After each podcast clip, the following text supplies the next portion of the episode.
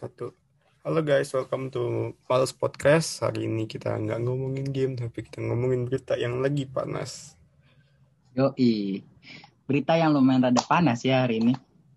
Bukan Dan yang rada. kemarin James Harden balik lagi main sama KD plus Kyrie Irving di Brooklyn Nets.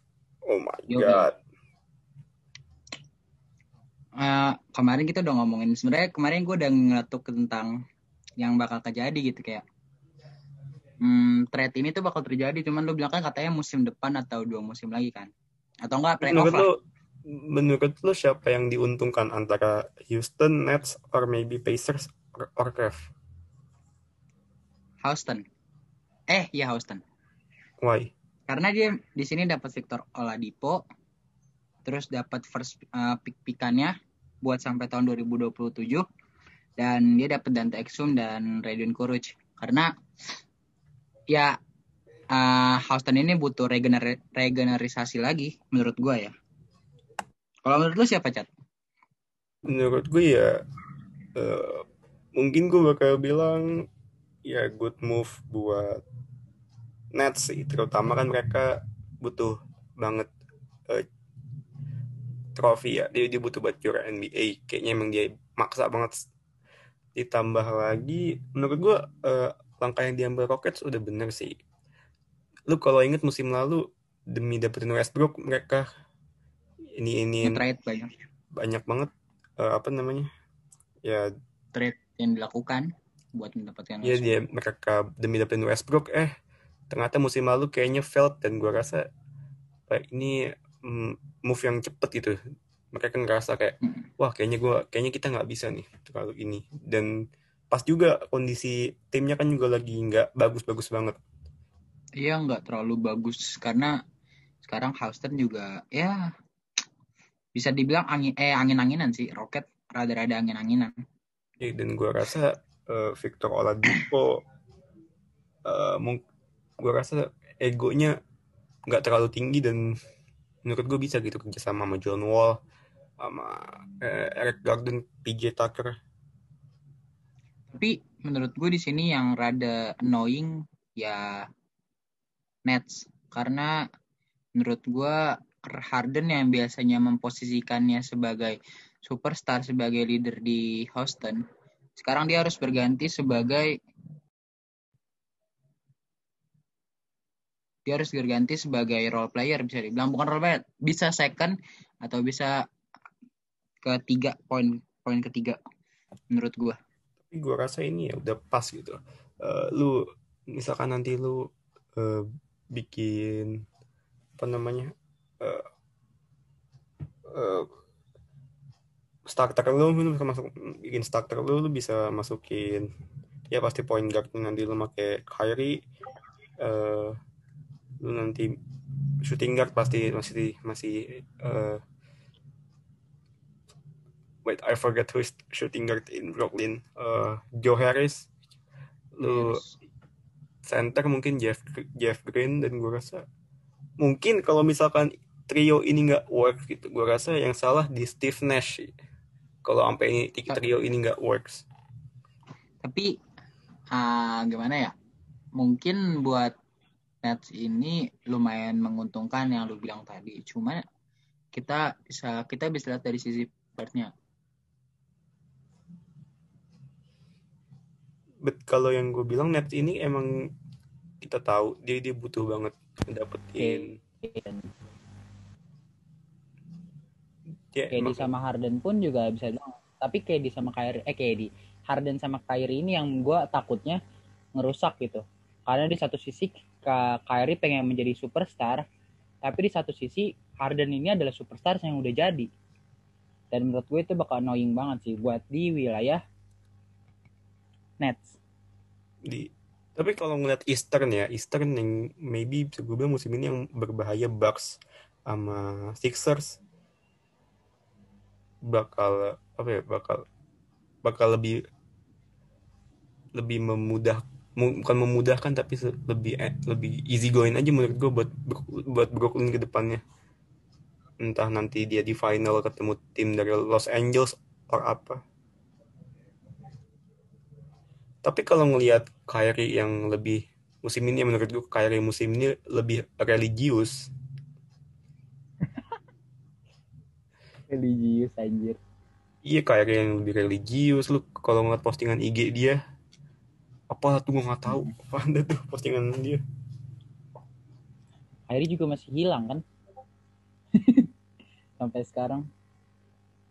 Iya, lu bayangin dia hilang berapa hari, eh tiba-tiba Har- Harden dateng. Gimana kalau dia hilang seminggu? waduh LeBron kali datang ya? Comeback. Gak lah mungkin. Iya, Ya. bukan gak mungkin sih. Terlepas Mungkin dari kedatangan Harden ke Brooklyn, gua ingin, gua rasa ini sih baru apa ya? Ini yang gua tunggu-tunggu. Akhirnya ada tim yang punya big three, yang punya trio. Lu kalau dulu mungkin zaman Chicago Bulls ada Dennis Rodman, Scottie Pippen, Michael Jordan. Ini menurut gue bisa aja dan Tap- kita tahu kan, kan banyak tim yang lagi hot-hot itu Lakers kita kalau tahu musim lalu Lakers bener-bener apa ya overpower banget lah istilahnya terlalu kuat Tapi tapi ya berapa beberapa tahun berapa musim lalu juga ada trio atau bisa bilang empat pemainnya itu Golden State Warrior dan dia bisa mendapatkan hampir tripit sih. Cuman lo apa lo mau apa lo pikir kalau ini Nets bakal bisa mendapatkan seperti apa yang didapatkan Golden State Warrior? Bisa bisa bisa bisa dong kar- karena pertama dia main di Eastern. Ya, Eastern gue buat musim ini gue selalu bilang yang lebih susah itu di Western karena sem- semua tim eh, ada Hmm, apa besar. istilahnya punya pemain ya entah itu Charlotte lah ah. eh I'm sorry. Eh ya Charlotte. Charlotte eh lu lu lu meremehkan Devontae Graham sama Gordon Hayward lu. Parah lu Iya sih. semua tim di gua rasa semua tim di Western ini punya satu pemain yang bisa apa ya ya pemain satu yang bisa dibilang bintang lah semua di Western. Beda sama Eastern nggak terlalu rata. Eh kok gua kok gua hari ini kok gua hari ini, hari ini lagi tolol dah. Charlotte kan main di Eastern bego banget gue Ya makanya gue dari tadi diam aja udah. nggak nggak I'm sorry I mean like tim kayak Mem tim kayak Memphis. Tim kayak Memphis juga punya pas eh, iya lu aja eh, pemain-pemain di Western ada aja pemain bintangnya satu eh, satu atau dua orang Ma- Maverick gitu ya. Ya, tapi kalau menurut gue ya kalau misalkan dia mendapatkan uh, dia juara, kita harus melihat dari wilayah westernnya. Western ini lu bilang dia punya superstar, berarti Nets ini harus ngelawan beberapa tim yang memiliki superstar dong. Logikanya itu aja. Di Western ada duo Clippers, Kawhi sama PG.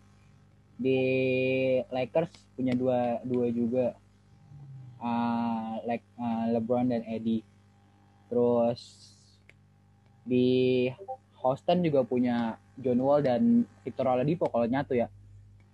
Dan Golden State, aduh, ah ya Golden State. menurut gua kalau main Nets ketemu Lakers gua rasa apa ya hmm, menurut gua lebih ke pertandingan yang lebih beda aja gitu yang eh, karena pasti kan kalau misalkan KD ya pasti kan yang jag yang ngeguard dia kalau nggak Davis mau Gasol LeBron nggak bakal jaga KD. Menurut gua bakal jaga KD deh di situ. tapi mungkin gue rasa bukan lebih eh, match up-nya mungkin aja Harden or apa tapi itu kan nanti masih Harden ya, mungkin. Iya. masih nanti Kalau dari dari kalender sih eh, eh, Lakers ketemu Nets bakal ketemu bulan Februari tanggal 19. Bakal lumayan panas sih game menurut gua. Dan berapa aja, gue berharap du- eh, dua tim ini superstarnya baik-baik aja, nggak ada yang cedera. Gue berharap sih itu. Iya, tapi kalau buat eh apa ya, kalau buat Nets ya gua rasa sih sel- selama dia nanti ke depan yang eh, oke-oke aja terus misalkan dia playoff pasti pasti menurut gua pasti dia play playoff. Kalau misalkan dia first round nggak ketemu tim besar masih masih oke lah. Tapi lu, lu jangan lupa juga bahwasannya Indiana Pacers ini dapetin Harris LeVert di mana uh, Pacers ini kan juga musim ini lagi apa ya? Lagi hot juga. Iya, lagi step. Dan tim gue juga lagi step up ya. dapat Iya. pemain-pemain tinggi anjir. Cleveland Cavaliers dapat Garrett Allen sama siapa lagi tadi? Pokoknya itu pemain-pemain tinggi semua sih di Cleveland Cavaliers. Ada Kevin Love, Larry Nanciar, Larry Nanciar, Andre Drummond, Javel McGee sama Garrett Allen itu defense-nya kuat banget sih menurutku. Tapi menurut gue ini ri- right move ya buat buat Harden ya milih tim di Eastern karena banyak tim di Eastern, tim gede maksud gue tim gede di Eastern yang musim ini startnya nggak bagus, lagi masih nyari angin-anginan, mungkin karena efek apa ya bubble playoff kemarin. Lapangannya beda kali, Cap. Iya dan ya pasti eh, ada pemain yang kena corona kan apa ya ganggu lah buat tim. pasti banget ganggu sih menurut gua dan yang kemarin gua omongin berarti benar dong bahwa Harden kemarin mengucapkan kata selamat tinggal ya di posisi terakhir pas dia di interview Tapi Ya. kita kita nggak boleh apa ya mandang Houston sebelah mata juga. Ini tim menurutku juga ba- masih bahaya di Western. Western itu yang sekarang masih punya trio itu udah nggak ada kan Chat Eh kalau Lakers bisa disebut punya trio sih Gak lah, lu LeBron mau bilang Montrezl Harrell trio, come on lah. iya gua gua gua baru pengen ngomong Montrezl Harrell trio Gak, gue gua, gua udah bilang dari awal podcast, Harrell itu gede gede otot, otaknya ya otaknya standar J.R. Smith lah. tapi tapi gini Chat dia bermain sama seorang superstar LeBron dan Eddie pasti dia lama-lama juga bakal step up menurut gue itu dan Ini dia, eh gini-gini. Kenapa gue bilang dia gede otot, eh, otaknya nggak terlalu dipakai. Court vision dia parah, men. Court vision dia, maksud gue, eh, atau enggak transisi defense dia nggak terlalu Ah. oke. dia sering telat gitu kan Ya, itu itu yang selalu gue notice dari ini pemain ya. Ya mungkin lu kalau ngeliat stats 14 poin, 15, apa 16 poin, tapi itu lu kalau misalkan ngeliat game dia itu kan poin yang dia dapat itu istilahnya poin-poin Apa ya? Oke, kalau rebound gue akuin dia rebound dia hustle, dia dia dia fighting. hasil banget Gak, I mean, ah. gak bisa diandelin nih orang maksud gue, gak bisa ter- terlalu diandelin lah. Kalau kalau rebound oke lah, dia dia fighting hustle. Tapi kalau eh, ketika eh, set play at- atau enggak tim lagi playing defense dia suka switchnya kadang-kadang kadang-kadang bikin error lah pas defense lah apalah. So itu yang menurut gue yang gue nggak terlalu impress dari Harrell walaupun dia six man. Hmm, gimana ya gue nyebut ya? Tapi dengan komposisi Nets yang kayak gini gue takutnya Kyrie bermasalah lagi dengan Harden. Kalau lu ngomong tadi ah Lakers yang nggak punya trio dan ah, kalau dia ketemu Nets gue feeling Lakers bakal kesusahan sih. Tapi lu, Karena- lu nggak boleh lupa juga bahwa eh, terakhir eh, last time James Harden sama Kyrie Ir- Irving bermain itu ini apa?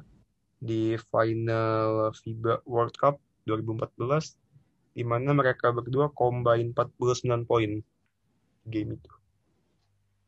Terakhir dia main bareng? Iya 2014 Hmm, ya, kok kayak nggak tahu Kyrie aja sih. Kyrie kan gimana ya sifatnya ya? Ya dia dibilang rada-rada pengen jadi leader di sebuah tim, tapi dia masuk dengan tim yang memiliki banyak superstar.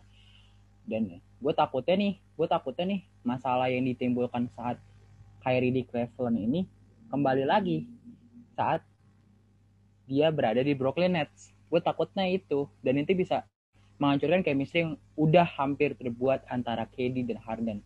Kita tahu bahwa waktu zaman-zaman KD dan Harden di di Oklahoma City Thunder, ini trio yang eh, ini trio, ini duo yang sangat mematikan ditambah oleh Westbrook dan bilang bisa bilang menakutkan gitu.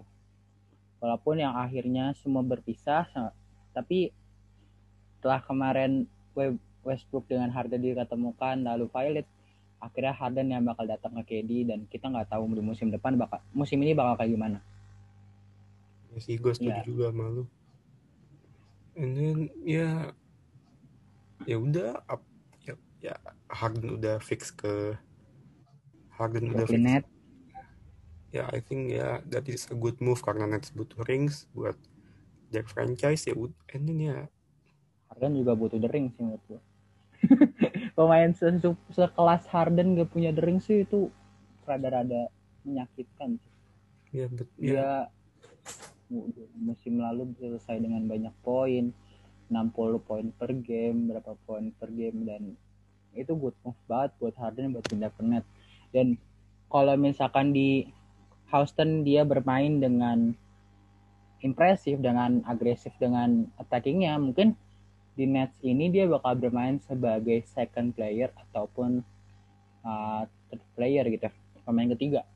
Karena kalau Harden ingin mendapatkan the rings menurut gua Harden harus mengalah. Karena gua nggak tahu ya sifat KD itu kayak gimana. Cuman setelah gue lihat dari perpindahan dia dari Oklahoma City Thunder menuju ke Warriors dan di situ dia ibarat kasar numpang menang atau ingin menang banget masuk ke dalam tim superstar itu ber- membuat pikiran gue bahwa ya Harden ini adalah pemain yang lumayan arogan apalagi ditambah oleh Kyrie Irving yang penyakitnya selalu seperti itu.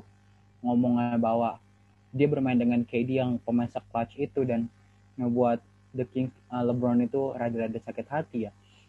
Dan gue takutnya karena ada dua player ini Harden jadi melemah gitu permainannya. Gue takutnya itu sih Cap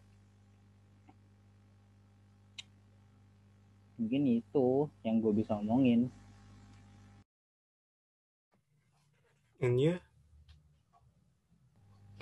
ya gimana ya? Gue sih berharap ya Harden dengan kedatangan dia di Nets nggak ngebuat permainan jatuh gitu. Itu doang sih yang bisa gue harapkan karena ya gue berharap Harden ini bisa bang bukan bisa banget sih bisa bermain bersama tiga dua player itu sih. Mungkin itu Iya. yang bisa gue opinikan. Ya I think ya ya udah Harden udah fix dan ya I think that is the end of our podcast. Thank you for listening. Bye